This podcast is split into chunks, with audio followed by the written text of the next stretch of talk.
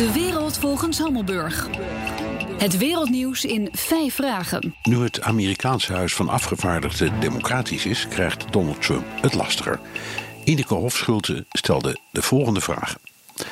Vraag 1. Verandert het Ruslandonderzoek nu Trump zijn meerderheid in het huis kwijt is? De Democraten starten allerlei onderzoeken die de Republikeinen tot nu toe hebben geblokkeerd. Ze gaan de belastingaangiftes opeisen die Trump tot nu toe heeft geweigerd vrij te geven. Ze gaan de activiteiten van het bedrijf van Trump in Rusland onderzoeken. Ze duiken in het ontslag van FBI-directeur Comey. Ze bekijken het zwijgeld dat Trump zou hebben betaald aan twee vrouwen. Kortom, ze gaan het hem moeilijk maken. Vraag 2. Is dit lastig voor speciaal onderzoeker Robert Mueller? Formeel hebben de onderzoeken van het congres en Mueller niets met elkaar te maken, al overlappen ze elkaar wel.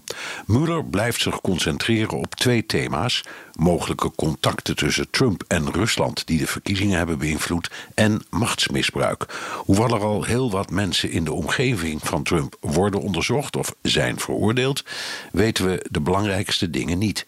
Gaat Mueller een openbaar verslag schrijven of gaat het alleen naar zijn opdrachtgever, de FBI? Als hij door Trump gepleegde strafbare feiten vindt, wat dan? Uit wat er tot nog toe is gebeurd, valt, zoals Trump zelf steeds zegt, niet af te leiden dat hij een misdrijf heeft gepleegd. Vraag 3. Kan Mueller worden ontslagen?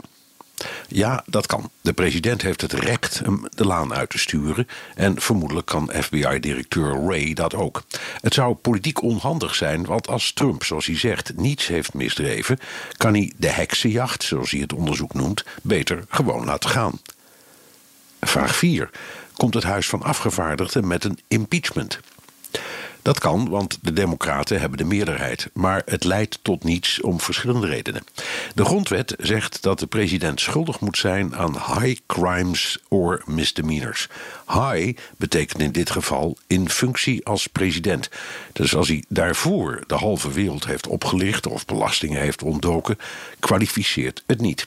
Maar belangrijker, het Huis stelt de procedure alleen in. De Senaat moet er met twee derde meerderheid over beslissen. Dat is vrijwel uitgesloten.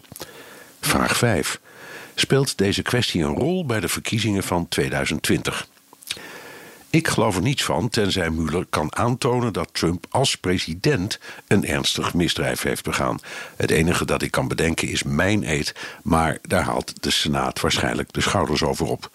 De verkiezingen van 2020 gaan over twee onderwerpen: migratie en de economie. Dus niet over Rusland. Dank Ineke Hofschulte. In de wereld volgens Hammelburg beantwoord ik elke zaterdag vijf vragen over een internationaal thema. Hebt u een vraag? Stuur dan een tweet naar @bnr of een mail naar onlineredactie@bnr.nl.